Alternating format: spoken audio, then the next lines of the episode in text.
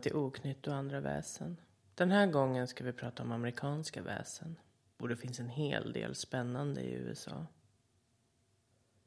Vissa finns det mycket att läsa om och andra lite mindre. Och många gånger så lämnar det mycket plats åt egna tolkningar. Vissa väsen är mer lokala och man kan höra mer av lokalbefolkningen än vad man kan läsa på internet. Och andra är mer kända världen över. Som den berömda Bigfoot. Bigfoot eller Sasquatch som man också kan kalla den här varelsen är stor, hårig och apliknande med breda axlar och muskulös kropp. Rapporter om att man har sett varelsen i de stora skogarna runt om i USA och i Kanada har funnits sedan 1800-talet. Men det är möjligt att man har känt till den här varelsen långt innan. Och beroende på vart man befinner sig så ser Bigfoot lite annorlunda ut. Inte mycket, men lite. Det kan vara en sån liten skillnad som färgen på pälsen. Och på vissa ställen är varelsen 1,8 till 2,7 meter lång. Och på andra är den uppemot 3 till 4,6 meter lång. Men överlag är det annars samma. Bigfoot går på två ben som vi människor helt pälsbeklädd och primatlik i kroppsbyggnaden och i ansiktet. Och pälsen kan vara allt från svart, brun och rödbrun. Beskrivningen är oftast en otroligt muskulös varelse med kort nacke och breda axlar. Och som sagt så går de på två ben som oss människor. Men de verkar ha en mer framåtlutad hållning och även ansiktet beskrivs vara likt oss människors. Men många verkar även ha likheter med gorillor. Och många tror att Bigfoot kan vara en släkting till Yeti, Snömannen. Vem vet? Kanske är de samma art. Men med skillnader som är avgörande för vilken omgivning och klimat man har runt omkring sig. Som täthet på päls, underull och till och med färg. Och det sägs även att en Bigfoot ger ifrån sig en väldigt speciell lukt en stinkande utmärkande odör. Och många säger att Bigfoot bygger sina bon som primater. Som gorillor, schimpanser och orangutang. Andra säger att det är bon byggda med mer, ja, vad ska man säga, med mer mänsklig eftertanke. Med rum till exempel. Så man skulle kunna säga att Bigfoot anses vara rätt så intelligenta varelser. Och som med andra djur och varelser så kommunicerar Bigfoots med varandra. När de anser att någon har trätt in på deras revir så kastar de stenar. Små i början och sen större som är en allt kraftigare varning. Och de kommunicerar med varandra med hjälp av träknackning och läten, olika vrål och grymtanden. Och den här gången har vi två historier om Bigfoot. Och till er amerikanska lyssnare så tackar jag för de historier som vi har fått in och har nöjet att använda i det här avsnittet. Jag passar även på att berätta att historierna är översatta från engelska till svenska och så är även måtten. Istället för att ta med foot och inches så har vi för enkelhetens skull tagit centimeter istället. Den första historien är skriven av Bow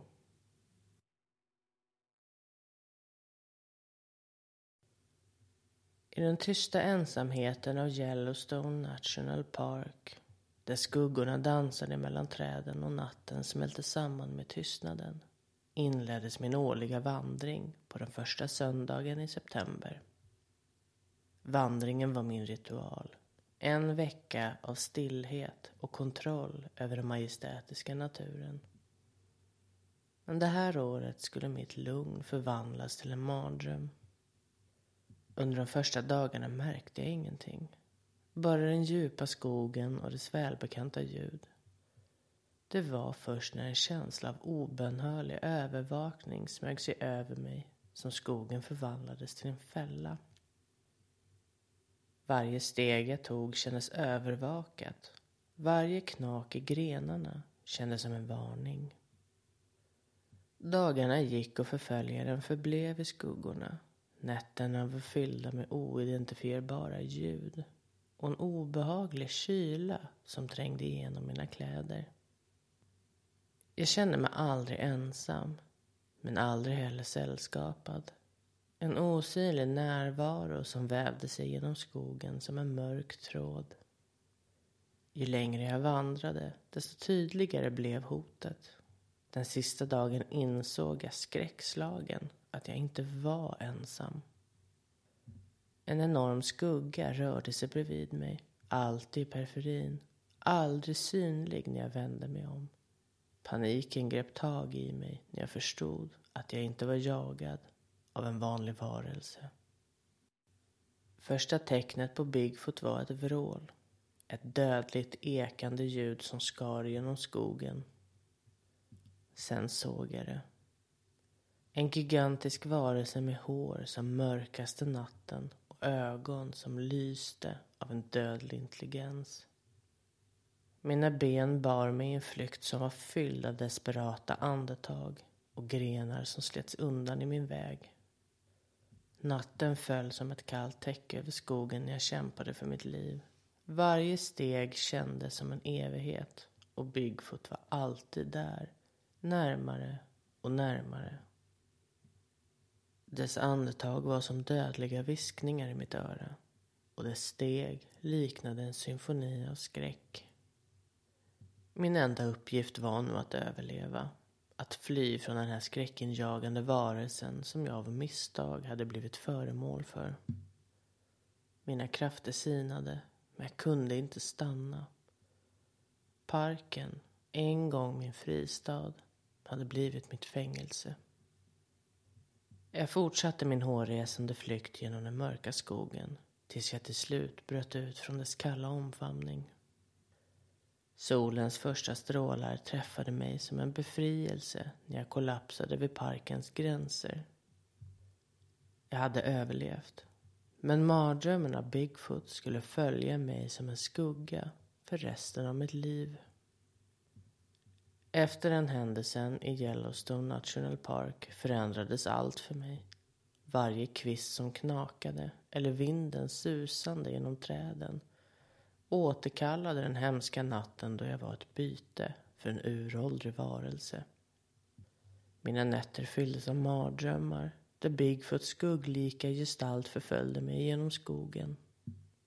Ögonblicket av panik och den dova klangen av dess roll var som en skräckfilm som ständigt spelades upp i mitt sinne.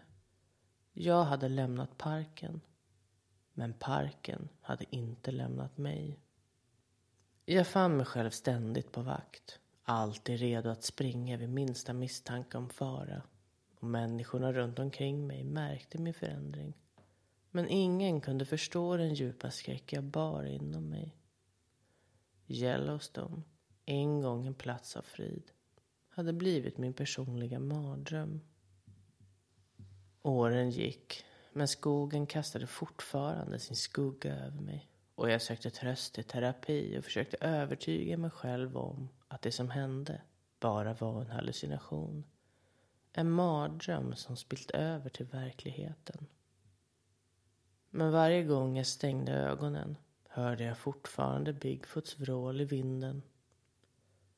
Jag förlorade mig själv i ett ständigt tillstånd av rädsla och paranoia. Vänner och familj kunde inte längre förstå mig. Och jag kände mig isolerad från den värld som jag alltid älskat. Mina dagar blev en rutin av sömnlösa nätter och skakiga dagar. Varje skogspromenad blev ett test av mina nerver. Varje skugga som rörde sig en påminnelse om den gången då Bigfoot, den uråldriga varelsen, jagade mig genom parken.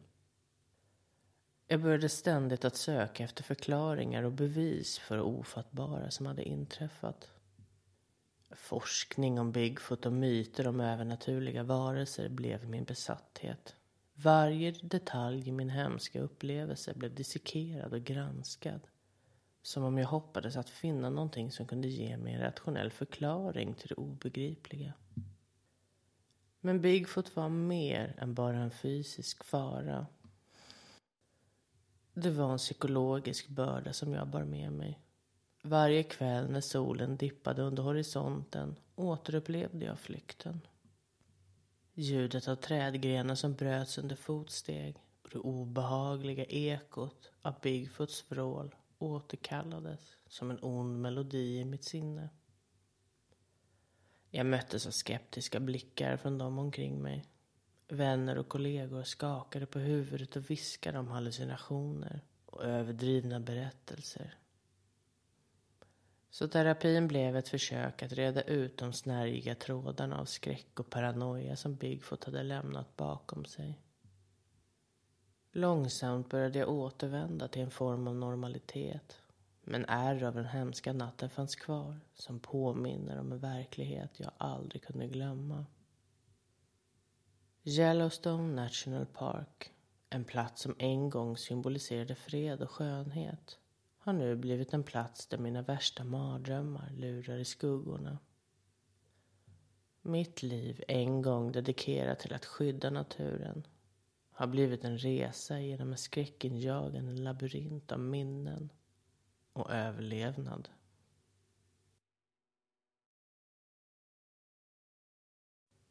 Tack Bo. Nästa historia är skriven av Connor.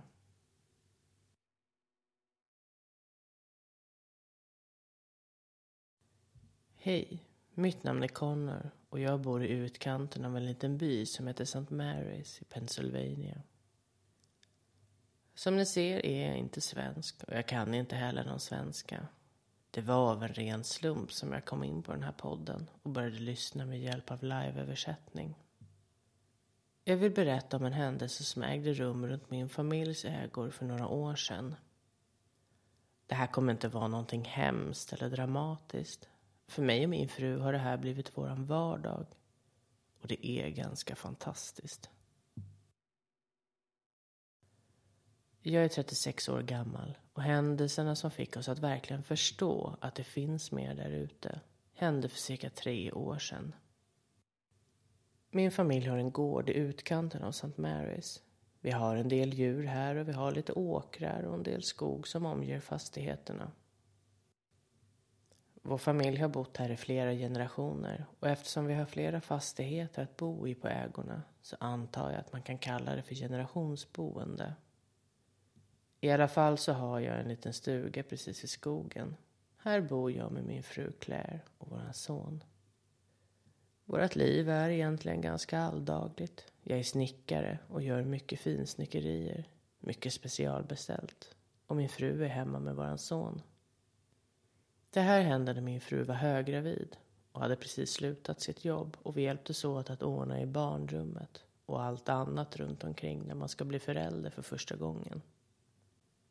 De timmarna jag var borta på dagarna var oftast för kundbesök för att ge prisförslag och så på möbler som behövde repareras eller byggas nya. Och eftersom jag har min verkstad på gården så är jag hemma mycket. Vilket både min fru och jag tycker om. Det känns skönt att kunna vara i närheten.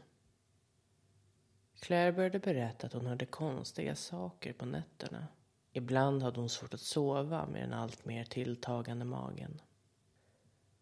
Så hon gick oftast runt ett par varv i stugan och kom sen och la sig igen. Hon beskrev höga knackanden och grymtanden.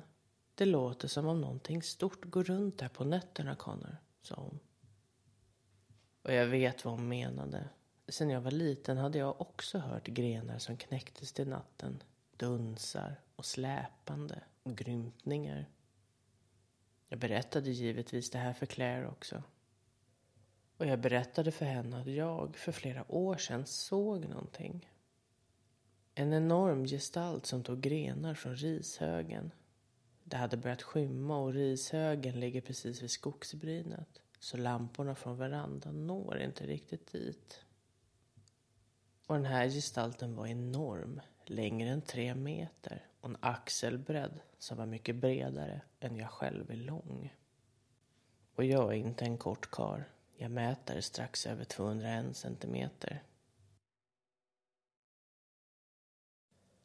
Jag stod halvt dold bakom gardinen och tittade ut genom fönstret och såg hur den här stora varelsen letade igenom rishögen och tog med sig rätt så mycket av högen och klev in i skogen. Sedan dess har jag alltid ett vakande öga på högen och märker att med jämna mellanrum så minskar högen i storlek. Jag antar alltid att varelsen kommer tillbaka för mer material. Den här kvällen såg vi den på lite närmare håll. Claire kom ut med kaffe till mig när jag jobbade och vi tog en paus innan jag slutade för kvällen. Då hör vi de där grymtningarna igen, men mycket närmare än tidigare. Vi smög oss bort till fönstret och såg väldigt tydligt hur den här varelsen såg ut. Bara några meter ifrån oss ligger rishögen och vi har full uppsikt över vår stuga, rishögen och skogsbrynet. Hon var stor. Och jag säger hon, för att trots den enorma kroppsbyggnaden så var hennes drag feminima. Hon hade glänsande svart päls som var ganska lång och såg tät ut. Ansiktet såg ut som en blandning mellan en gorillas och en människa. Lite likhet med neandertalare nästan. Och i skogsbrynet stod en till. Det tog oss en stund att se honom. Han stod halvt dold bakom ett träd. Det såg nästan ut som om han höll utkik. Hans päls var mer åt det ljusare hållet av det vi kunde se och ansiktsdragen var mer grova än hennes feminima. Vi stod där knäpptysta och kollade på när honan letade efter grenar och la dem bredvid sig i en hög. Plötsligt stannar hon upp och vänder blicken rakt emot oss. Honan och Claire kollar intensivt på varandra. Och Claire ler. Honan grymtar, samlar ihop sina grenar och går snabbt tillbaka till hanen i skogsbrynet. Strax innan de försvinner vänder sig honan om igen och kollar på Claire för att sen försvinna in i skogen. Jag vänder mig mot Claire med stora ögon. Hade vi precis stått öga mot öga med vad jag tror två Bigfoot? Jag ser att Claire ler. Ja, säger hon och stryker sig på magen. Vi blir i alla fall inte ensamma om tillökning här i skogen i alla fall. Sen dess så har jag lämnat mer material på högen. Sågspån, ull, allt som jag kan komma på som de kan ha till användning. Och vi hör när de kommer. Vi har en tyst överenskommelse. Vi stör inte varandra. Och Claire hade rätt. De är också tre nu.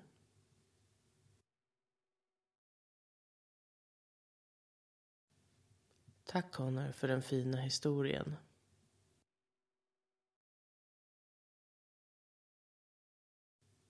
Ja, Bigfoot är varelser som lever i skogen i det dolda.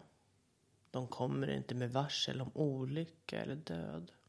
De bara är helt enkelt.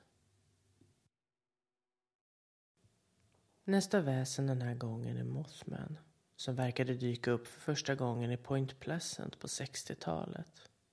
1966 rättare sagt. Två par berättade att de hade sett en stor svart varelse med röda glödande ögon som stod vid sidan av vägen.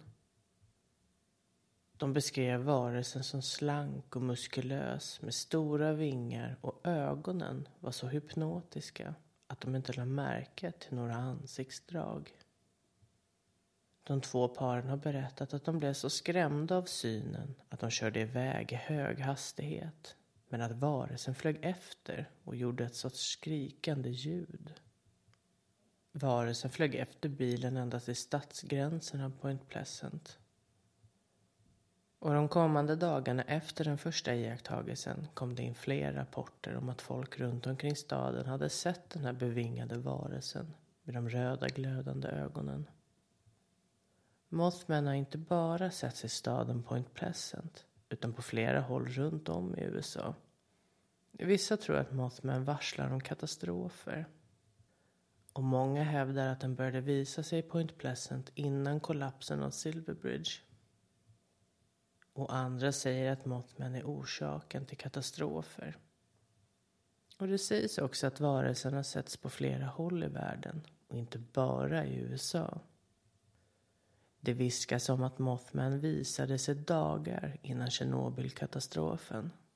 Att arbetare såg varelsen i närheten av reaktor 4 och även boenden i den närliggande staden Pripyat kunde också se något stort och mörkt med stora vingar och röda ögon bara dagarna innan katastrofen. Invånare i staden La Junta i Mexiko såg också en stor bevingad varelse med röda ögon 2009. Och en ung student sa sig ha blivit jagad av varelsen. Och två unga tjejer berättade att de hörde varelsen skrika från en äppelodling. Vid den här tidpunkten började svininfluensan att härja i staden. Och det finns även de som hävdar att man kunde skymta Mothman vid World Trade Center samma dag som terrorattacken. Så vad är Mothman egentligen? Är varelsen ett varsel om att någonting hemskt kommer hända? Kan det vara så att det är en varelse som gör sitt yttersta för att varna oss människor på en stundande katastrof? Eller är det en illvillig varelse som i själva verket leder katastroferna dit den vill? Att uppenbarelsen av varelsen inte betyder varsel utan en måltavla. Vad tror ni? Nästa historia kommer från en amerikansk lyssnare som önskar att vara anonym.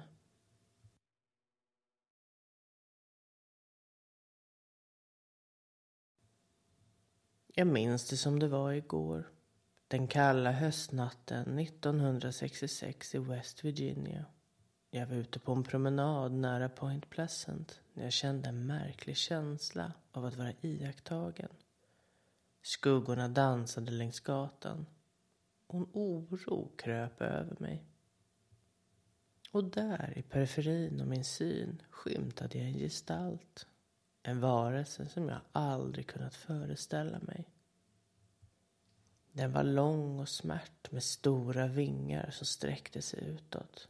Mina ögon låstes omedelbart fast med dess.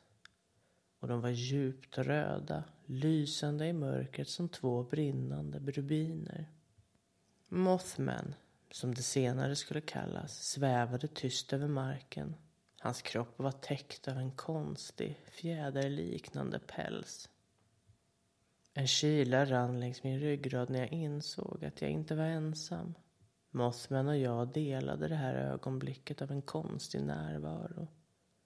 En koppling mellan två varelser som inte hörde hemma i samma verklighet. Jag var paralyserad. Mossmans ögon borrade genom mörkret. Inget ord sades. Men det var som om en tyst överenskommelse existerade mellan oss. Ett ögonblick som skulle leva i minnet för alltid.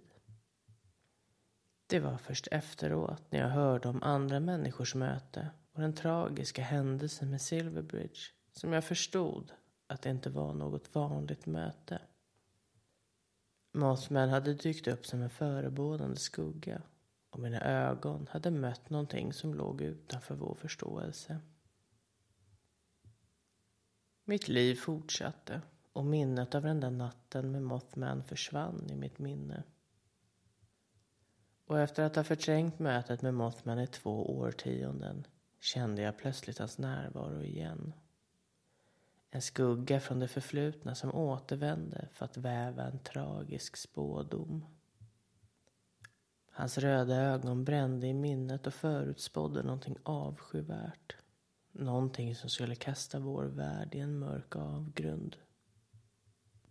Det var som om Mothman bar med sig en oförlåtlig varning. Och den tråd av ödesdigra händelser snärde sig närmare.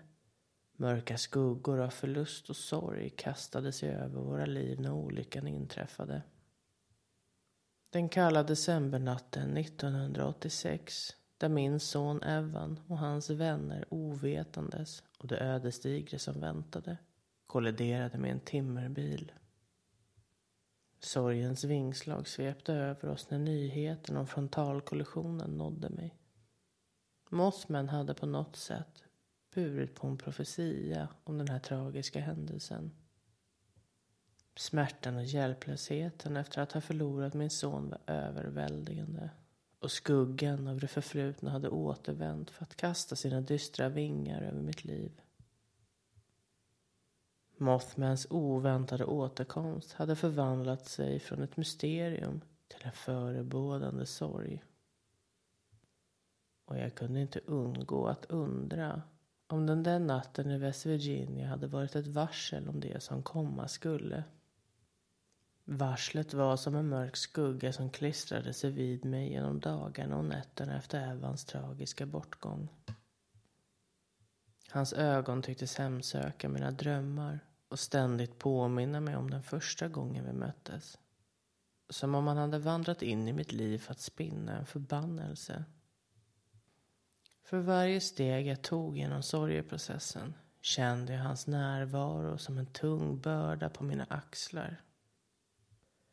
Jag grubblade över den övernaturliga kopplingen till min sons öde och om jag hade kunnat gjort någonting för att förhindra det.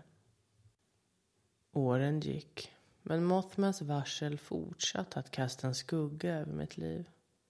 Jag kunde inte befria mig från tanken att hans första besök var en form av föraning.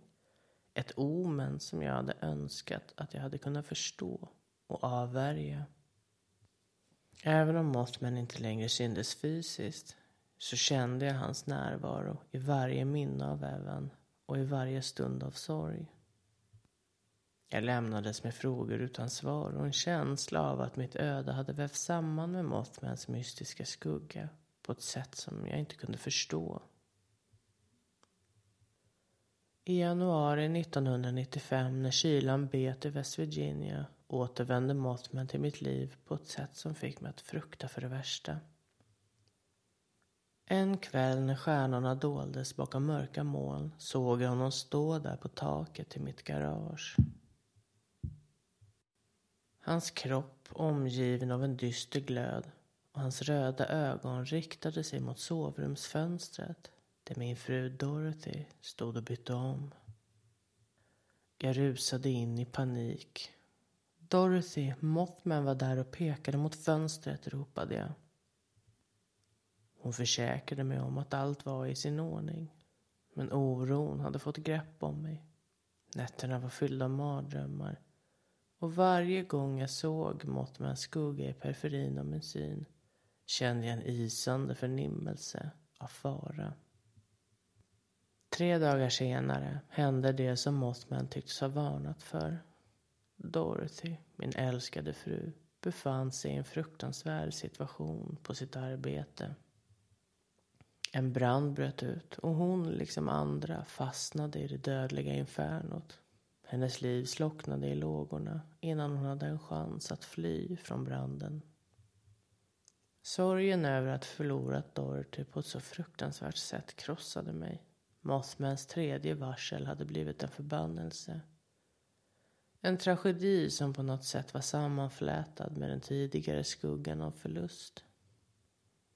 Mothman hade förvandlats från en gåtfull varelse till en bärare av otäcka förutsägelser. Och hans röda ögon hemsökte mig i mina mardrömmar. Livet fortsatte, men varje steg var tungt av sorgen och den obegripliga känslan av att vara omgiven av någonting övernaturligt. Tack för den.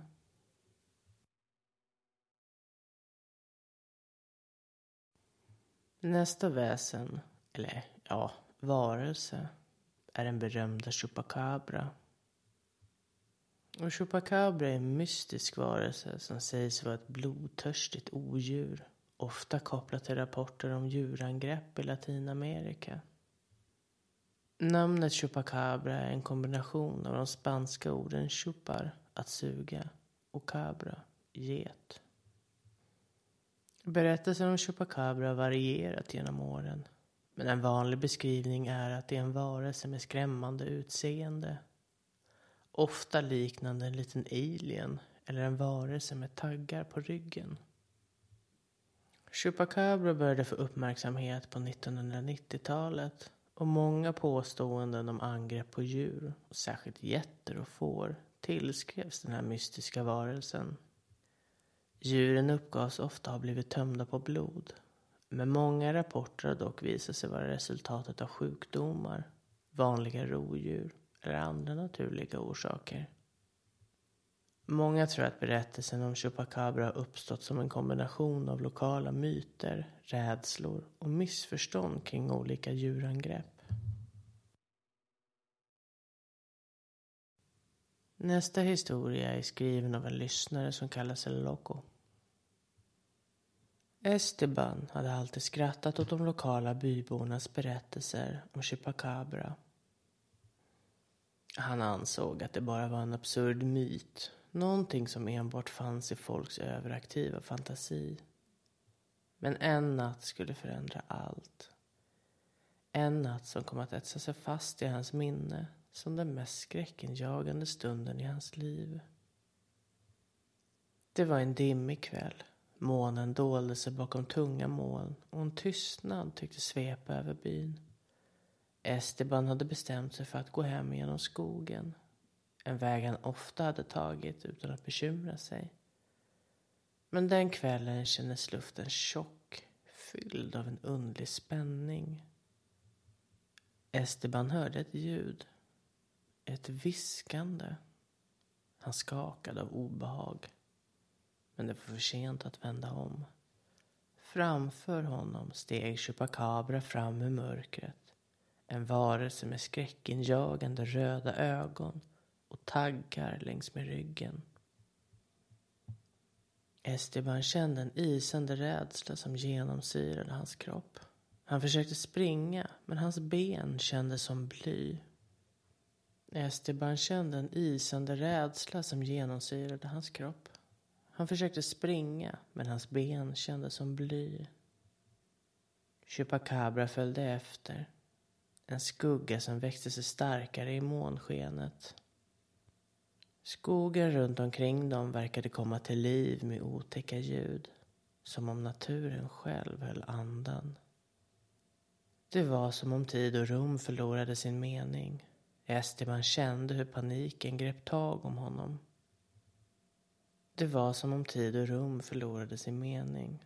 Esteban kände hur paniken grep tag om honom och han kunde höra Chupacabras hotfulla vrål allt närmare.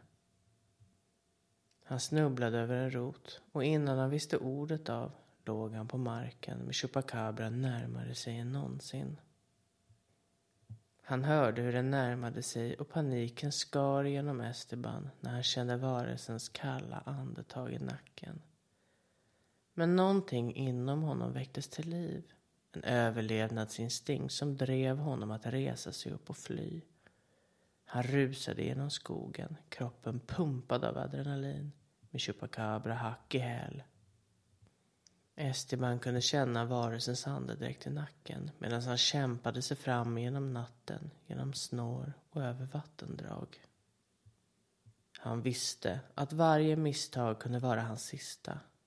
Och slutligen, när han nådde byns gränser, vände han sig om för att se Chupacabra försvinna tillbaka in i skogens mörker. Andfådd och skakande återvände Esteban hem. Hans värsta mardröm hade blivit verklighet.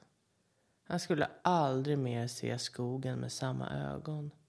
Och varje viskning i vinden skulle påminna honom om den natten. När Chupacabra jagade honom genom mörkret Estebans andetag var fortfarande häftiga och hjärtat bankade som en trumma när han nådde säkerheten i sitt hem. Han låste dörren bakom sig och kastade sig i sängen. Överväldigad av den ofattbara skräck han just hade upplevt. Hans tankar var ett enda virrvarr av panik och chock. Den nattens mörka händelser fortsatte att hemsöka Esteban i mardrömmar när han sov. Han drömde om röda ögon som stirrade på honom från skuggorna. Han drömde om taggarna längs Chupacabras rygg. Och hans kropp vaknade flera gånger, badande i svett, innan gryningen bröt igenom. Dagarna som följde var fyllda av ångest och paranoia. Varje susning av vinden fick honom att rycka till och varje gren som knakade mot fönstret fick hans hjärta att rusa. Esteban kunde inte släppa känslan av att vara jagad. Som om Chupacabra fortfarande låg i skuggorna och väntade på nästa tillfälle. Byborna var skeptiska när han delade sin skräckinjagande upplevelse. Många tittade på honom med misstro och några fnissade åt tanken på en varelse som Chupacabra. Men Esteban visste att det han hade upplevt var verkligt och han kunde inte sudda bort de röda ögonens brinnande blick från sitt minne. Veckorna gick och Esteban försökte återgå till sitt normala liv. Men skogen hade blivit ett farligt territorium och han undvek den som pesten. Och varje kväll slumrade han in med en bön om att vakna upp utan mardrömmar och med hoppet om att Chupacabra hade lämnat byn för gott. Estebans mentala hälsa rasade som ett korthus efter upplevelsen. Estebans mentala hälsa rasade som ett korthus efter händelsen. Han hade mardrömmar som fortsatte att plåga honom. Och han kunde inte skaka av sig känslan av ständig övervakning. Hans ögon hade en ständigt vild blick. Som om han fortfarande såg de röda ögonen i varje skugga. Med tiden blev det allt mer uppenbart för byborna att Estebans psykiska tillstånd försämrades. Hans konstanta oro och överdrivna reaktioner ledde till att de fruktade för hans säkerhet och för gemenskapens stabilitet. Esteban, en gång en respekterad medlem av byn, befann sig nu isolerad och misstänksam.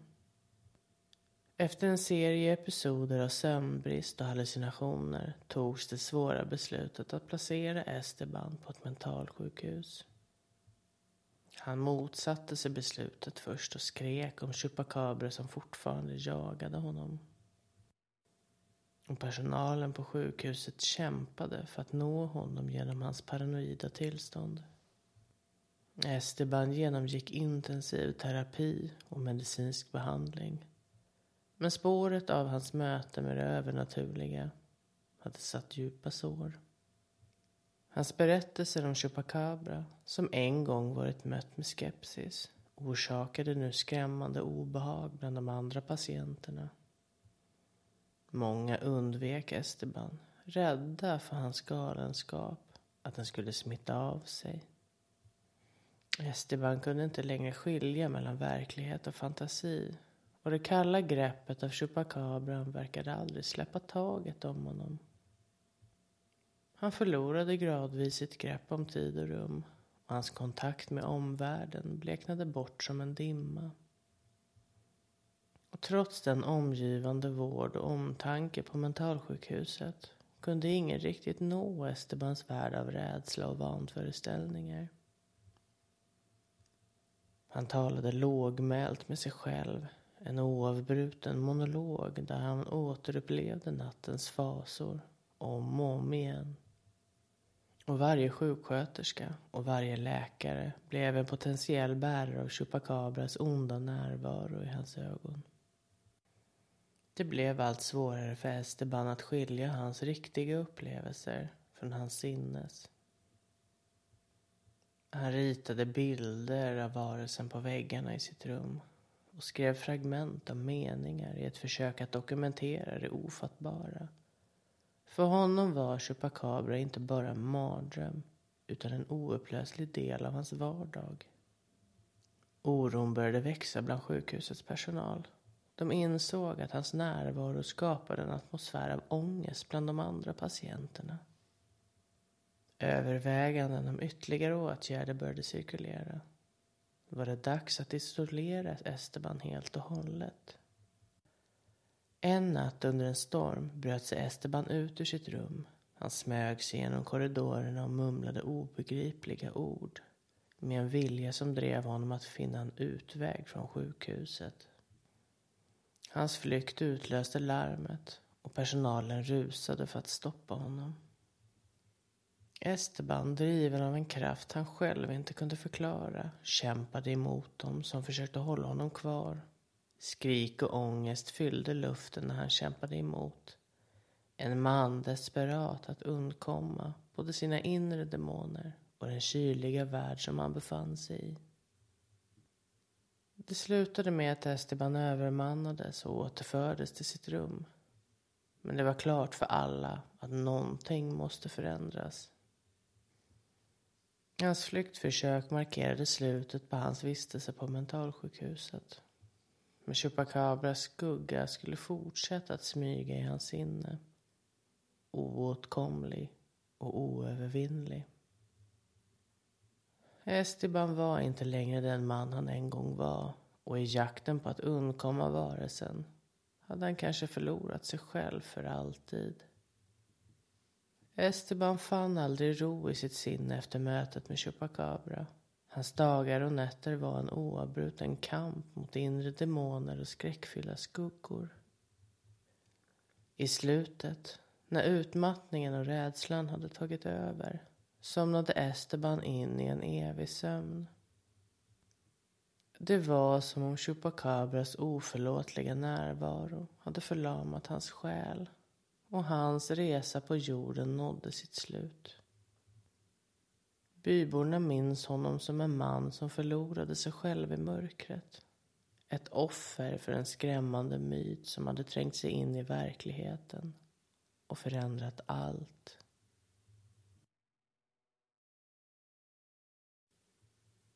Tack för historien.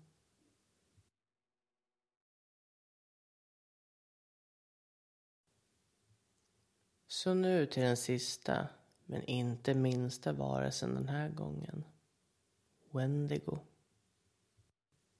En Wendigo är en mystisk och skrämmande varelse som äter människor. Det sägs att den är otroligt våldsam och många tror att det är någon form av ande eller en demon som tar människor i besittning och gör dem till obeskrivliga monster som drivs av djuriska instinkter och kannibalism. Wendigos bor i djupa skogar, i grottor och ger sig på vilsna vandrare. De tar vandrarna till deras grottor och där äter de upp dem långsamt. Det sägs att de är stora och seniga och saknar läppar.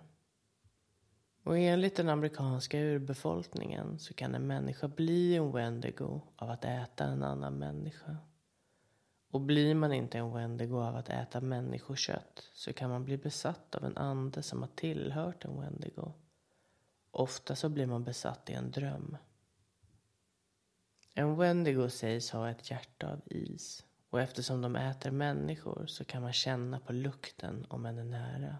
De har en hemsk och dör av död som omger dem.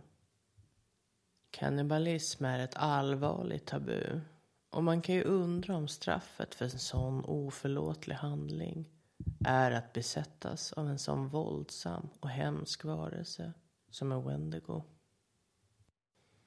Det sägs att det enda som kan stoppa en Wendigo är en schaman. Och då måste schamanen använda silver eller järn. Man kan behöva ta ut Wendigos hjärta och smälta det över eld för att få stopp på den.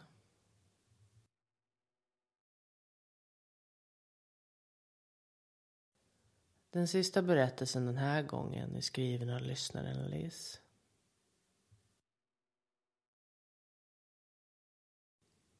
Hej. Jag vill berätta om min farbror Caleb. Det här är hans historia och jag vill att världen ska få veta vilka faror som kan lura där ute. Jag menar inte att man ska sitta inne och gömma sig. Men det är dumt om man är blind om vi inte tror på att det finns mer där ute. Min farbror är en vanvandrare. Vi bor i Minnesota och det finns gott om skogar och natur att vandra i här. Vi alla vana hikers. Det är någonting vi gör på fritiden. Vi vandrar och njuter av naturen. Vi tältar och kopplar av. Farbror Caleb är 47 år nu och för två år sedan åkte han iväg för att vandra och kampa själv. Inga konstigheter. Det har vi alla gjort många gånger. Men när han inte hade hört av sig på fyra dagar blev vi oroliga och skogvaktare börjat leta efter honom i Superior National Forest där han vandrade. Och efter ytterligare två dagar hittade de honom. Han var i ett fruktansvärt skick. Han saknade det mesta av hans högra hand och han hade bitmärken på flera ställen på kroppen. Varav ett var på ena kinden. När skogvaktarna hittade honom låg han halvt dold i en liten sjö en bit från Kiana Lake. Han var vid medvetande men hysterisk, uttorkad och han hade förlorat mycket blod. Han flögs till Eli Blumensons sjukhus där de gjorde en enorm insats för att rädda hans liv. Farbror Caleb fick blodförgiftning och de var tvungna att amputera det som var kvar av hans hand till slut. Men efter sex månader blev han stabil nog att få komma hem igen. Och efter ett år började han att berätta för pappa vad som hade hänt. Den första natten gick allt bra. Allt var lugnt och som vanligt. Men på morgonen den andra dagen började Caleb känna av en stank. Han beskrev det som ruttet kött. Under vandringen den dagen kände han sig förföljd och iakttagen och på natten hörde han märkliga ljud. Och på kvällen den tredje natten började mardrömmen. Caleb berättade hur han såg en lång, mager gestalt stryka längs tältet. Och nu var stanken värre än någonsin. Han hörde märkliga fräsanden och gurglande ljud. Caleb förstod genast att det här inte var ett djur. Det här var en varelse som han aldrig hade stött på förut. Han hade sitt gevär i tältet och sträckte sig sakta emot det. Varelsen utanför verkade reagera direkt på minsta rörelse från Caleb. Så fort han rörde på sig så stannade varelsen upp. Caleb tog ett beslut. Han grabbade tag i geväret och kastade sig ut ur tältet. Och där stod han en meter ifrån det hemskaste han någonsin har sett. Varelsen var runt två meter lång och mager. Den stod på två ben med en lätt böj på ryggen. Naglarna var långa, vassa och smutsiga. Som klor. Caleb sköt. Varelsen skrek ett hemskt skrik. Men det hjälpte inte. Den närmade sig Caleb och han laddade om. Varelsen kastade sig över Caleb och högg honom med sina smutsiga klor och bet honom med sina vassa tänder. Mitt i tumultet och skräcken lyckades Caleb på något sätt få fram sin jaktkniv och högg den i varelsens hals. Sen sprang han. De följande dagarna kämpade han för sitt liv och försökte undkomma varelsen.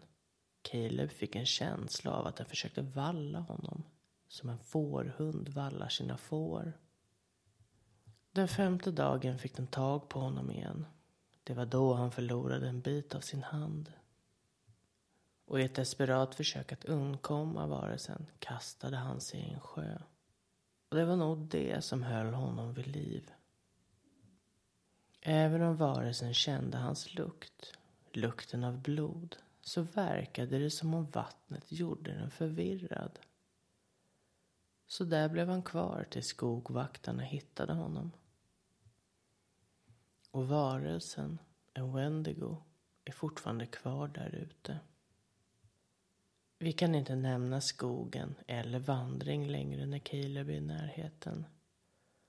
Pappa säger att Caleb har sådana fruktansvärda mardrömmar att han inte vet hur han ska komma över det. Om han någonsin kommer att må bättre. Så se det här som en varning. Är ni ute och vandrar och kampar så ber jag er, håll er borta från skogarna. Och om ni struntar i min varning, så var vaksamma och se alltid till att ha nära till en sjö. De verkar bli förvirrade av det. Tack för att ni ville lyssna.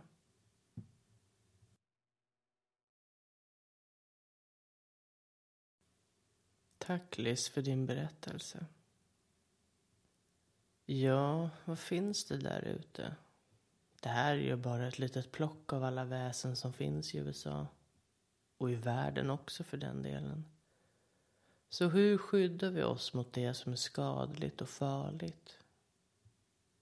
Hur tar vi reda på så mycket som möjligt om vad som finns där ute?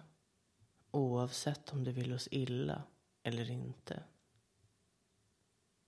Med det sagt så säger vi hej då för den här gången. Vi tackar igen för de berättelser som vi har fått in från USA. Det är helt fantastiskt att ni också hittade våran podd. Tills nästa gång.